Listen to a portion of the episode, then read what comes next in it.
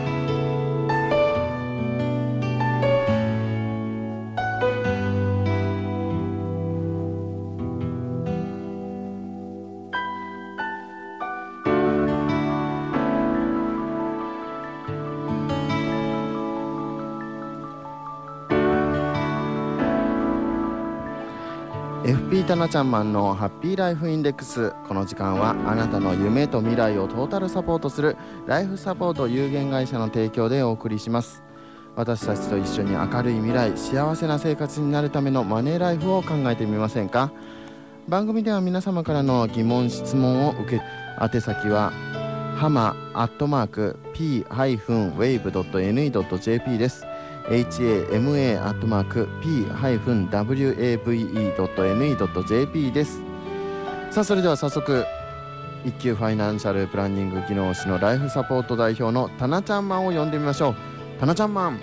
はい明けましておめでとうございます。明けましておめでとうございます。本年もどうぞよろしくお願いいたします。よろしくお願いします今日はなんかいつもとはちょっと違った雰囲気ですね。そうですね。今日はねあの正月バージョンで私服を着て やってまいりました。そうですね。い。つもでしたらあれですけれども。スーツにネクタイですけどね。はい、はい、ということでね。はい。今日はもう元旦なのにもうこんな早々からお越しいただいてと、はいね、もう朝っぱらからお越しいただいて、はい、今朝はですね四日地港で初日の出を、ええ拝みましてですね、はいはい、それから、えー、諏訪神社へ初詣へ行ってその後こちらへ参りました。ああなんか充実した朝を迎えていらっしゃいますね、ね、はい、初日の出すごい綺麗でしたよね。綺麗でしたね。はい。四日市港って四日市港のあの千歳の千歳ふ頭ですね。はい、ね、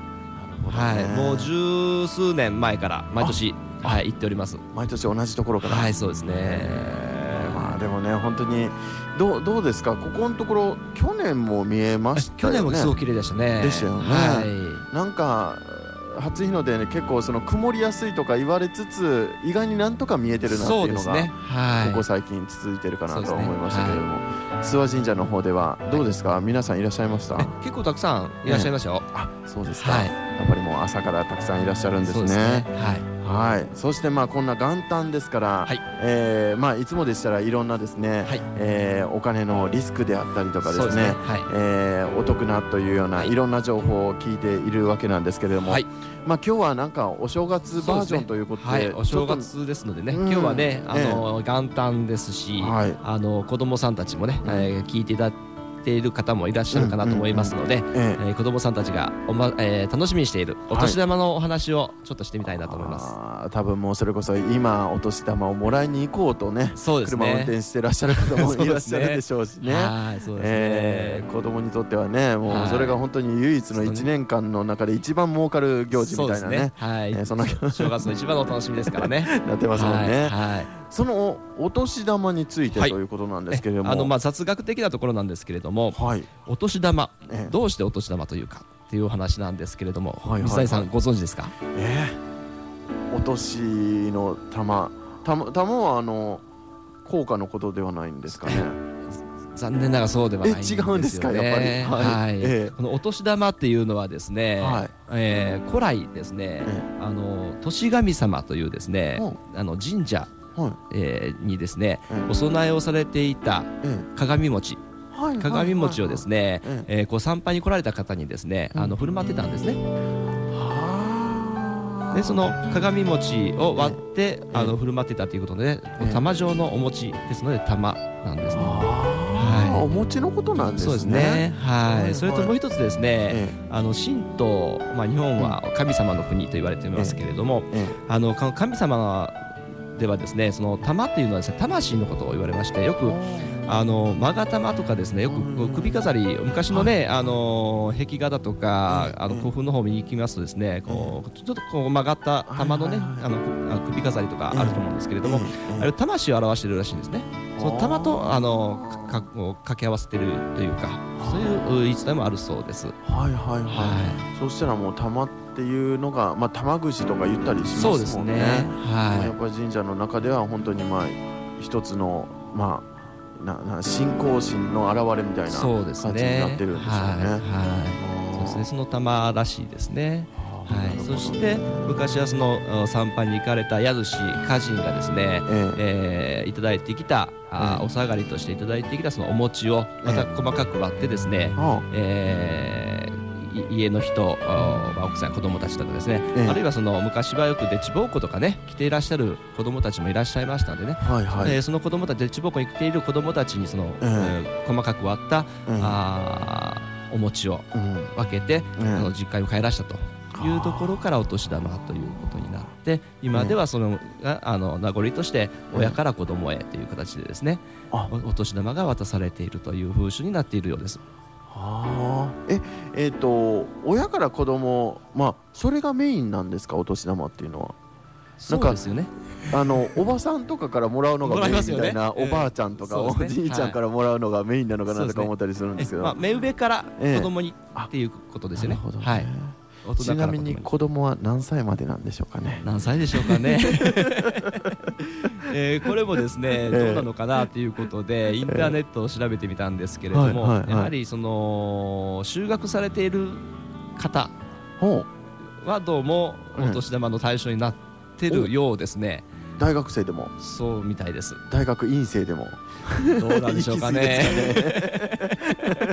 まあその辺はね判断の そうです、ね、分かれるところでしょうけれども、えー、それこそもう大学生でもねいとことかあのー、ねえー、老いとかができてもう払わなきゃいけないとかいうね人もいらっしゃいますしね。いらっしゃいますしね。ね。えー、なるほどね。かなるほどお年玉。まあでも本当に人によってねあのもう出す側にいる人ともらう側にいる人とそうです、ね、もう二分されているかとは思いますが、ね、はい、タナちゃんマンは、えー、大体1年間と言いましょうか。お年玉はどのぐらい使われますか、えー、どれぐらいですかね、えー、まあ人数でいくと、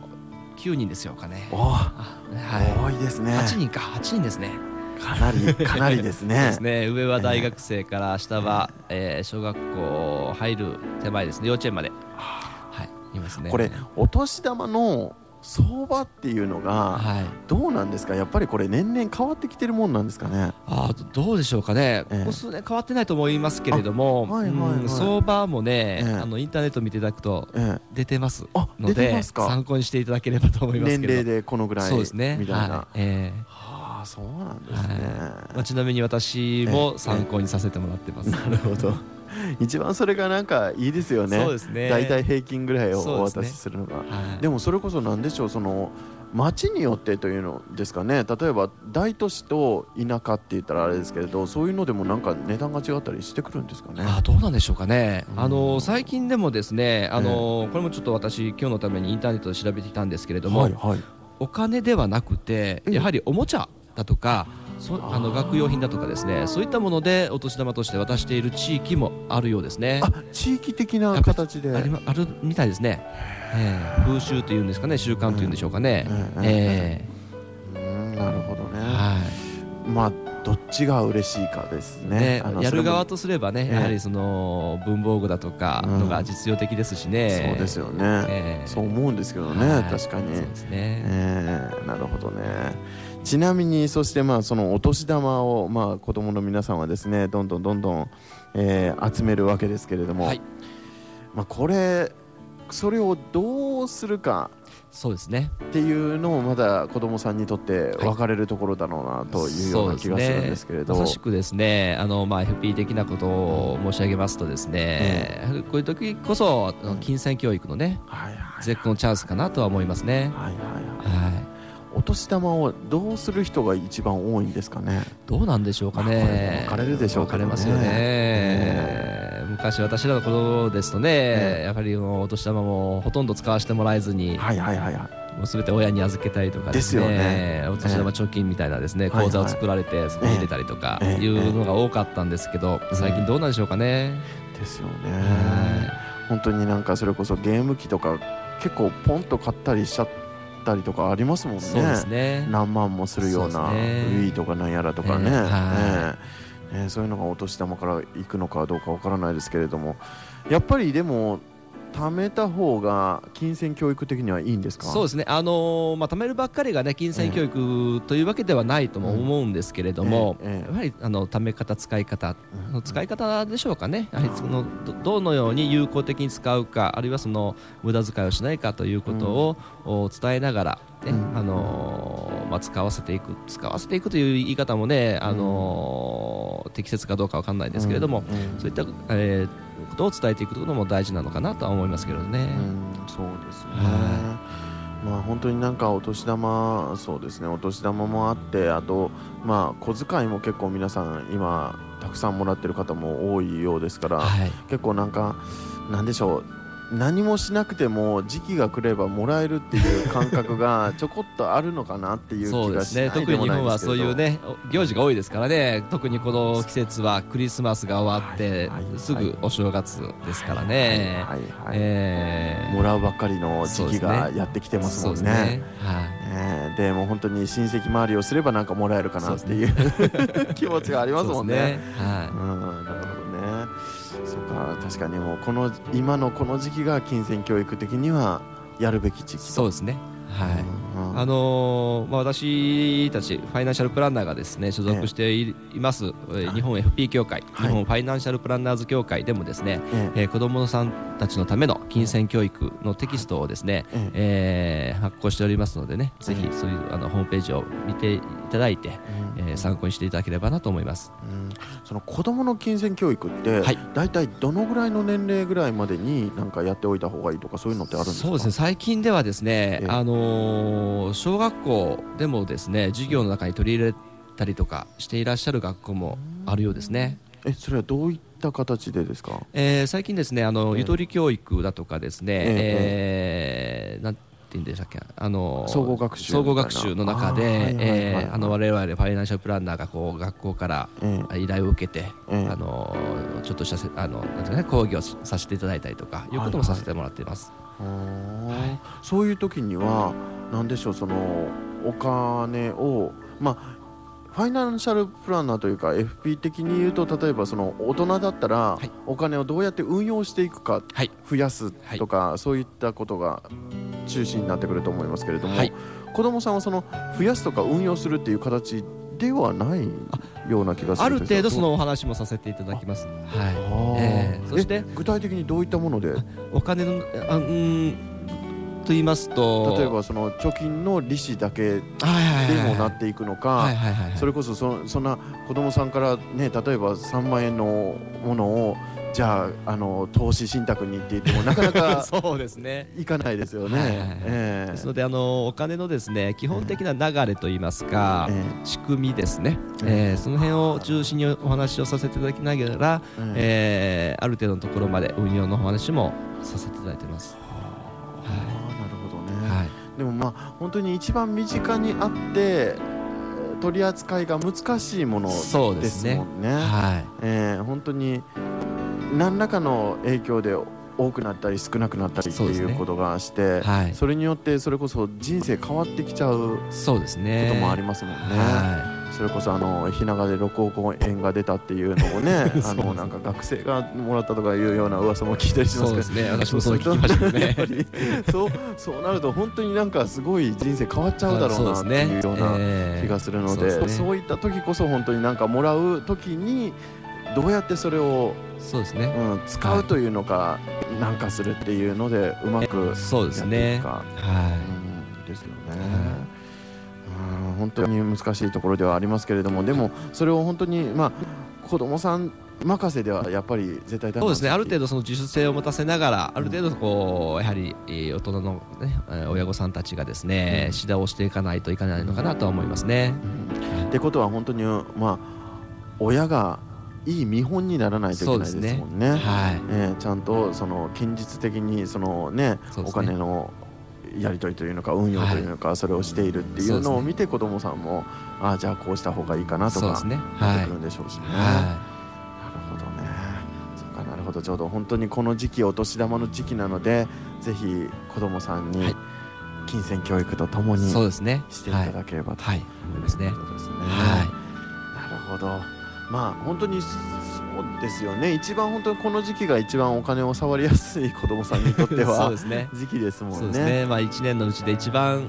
えー、金額的にもねたくさんお金を触れられると思いますんでね。一番すごいもうまた聞いちゃったんですか。一番いい方法は何なんですか？お年玉を。どうしたら一番効率的なんですかね、まあ、これはねやはり考え方次第ですのでね、ですので、まああのー、まあ、私が私自身の子供にね伝えているのは、まああのー、いただいたお年玉、ある程度、まあ、どいくらまでは使っていいよと。でそれ以降はじゃあ自分で計画的に使いなさい。で一旦はやっぱり銀行あるいは郵便局のね、通帳の中に、入れて、で、えー、自分でその計画をしながら月々の小遣いとですね、合わせながらですね、あの使っていくあるいは貯めていくような形でですね、あの指導してます。なるほどね、はい、積み立て預金みたいな感じで。そうですね。はい。なるほどね。でもそうですよね。そういう本当にもらったからもらっただけ使っていたらそれはダメですもんね。そうですね。はい、えー、だから本当にそこの中で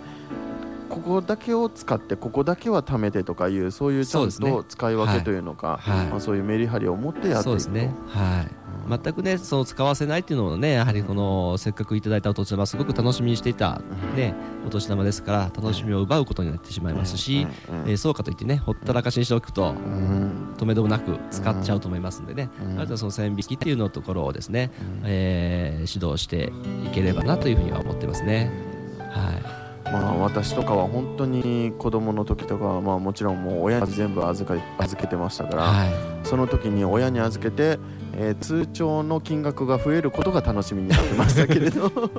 そうですね、はい、もうそんな使うとかがなかったので、はい、その時は。だから本当にやっぱり人それぞれね楽しみ方っていうのかあるんでしょうけれど、ね、でも本当にそのね過ぎずでも使わなさすぎずっていうのも必要なんでしょうか、ね、そうですね。そこのところは一番やはりその大事じゃないかなと思いますけどね。うん、そうですね、は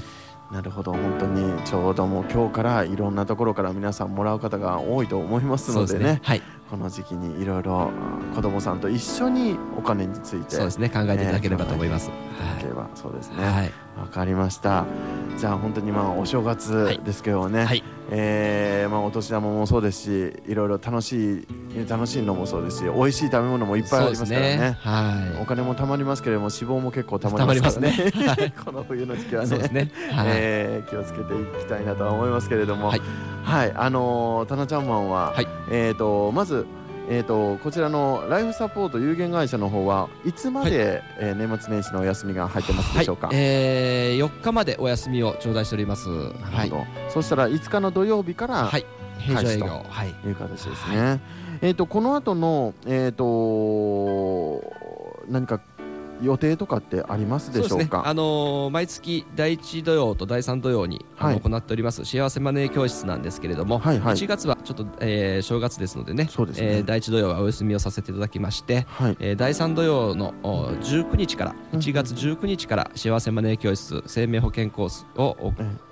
始めていきます。なるほど、はい、1月の19日、はい、場所ははい、四日市市、えー、勤労者福祉センターですね。あの中央緑地公園の、はい、中にあります、ええ。ー、勤労者福祉センターので行います、うん。うん、なるほど。そちらの方で、はい、えー、セミナーとして行われるということですね、はい、1月の19日から、はい、時間の方は何時からでしょうか、はい、2時からです。2時からあのスタートしますので、えー、1時40分から受付を開始いたします、はい、なるほど。わ、はい、かりましたじゃあぜひ皆さん1月19日中央緑地公園にあります四日市市勤労者福祉センターこちらの方にお出かけいただければと思います、はい、そしたらもう本当に直接タナちゃんマンといろいろお話ができますのでね、はい、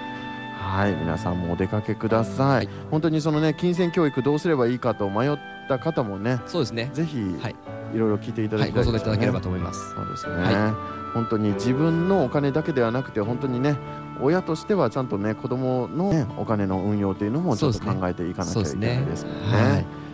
かりましたということで今日もですねいろいろファイナンシャルプランナーのタナちゃんマンにいろんなお話をお伺いしました。ということで FP タナちゃんマンのハッピーライフインデックスこの時間はあなたの夢と未来をトータルサポートするライフサポート有限会社の提供で浜園サテライトスタジオからお送りいたしました。それではまた来週は、えー、浜園ミュージックテラスの方で登場という形で、ね、そしてレギュラーの時間で。そうですね、はい、来週は火曜日は昼2時10分からはい。はい、タナちゃんマンに登場していただきたいと思います、はい、ということで来週この時間でお会いしましょう。バイバイ。はい失礼します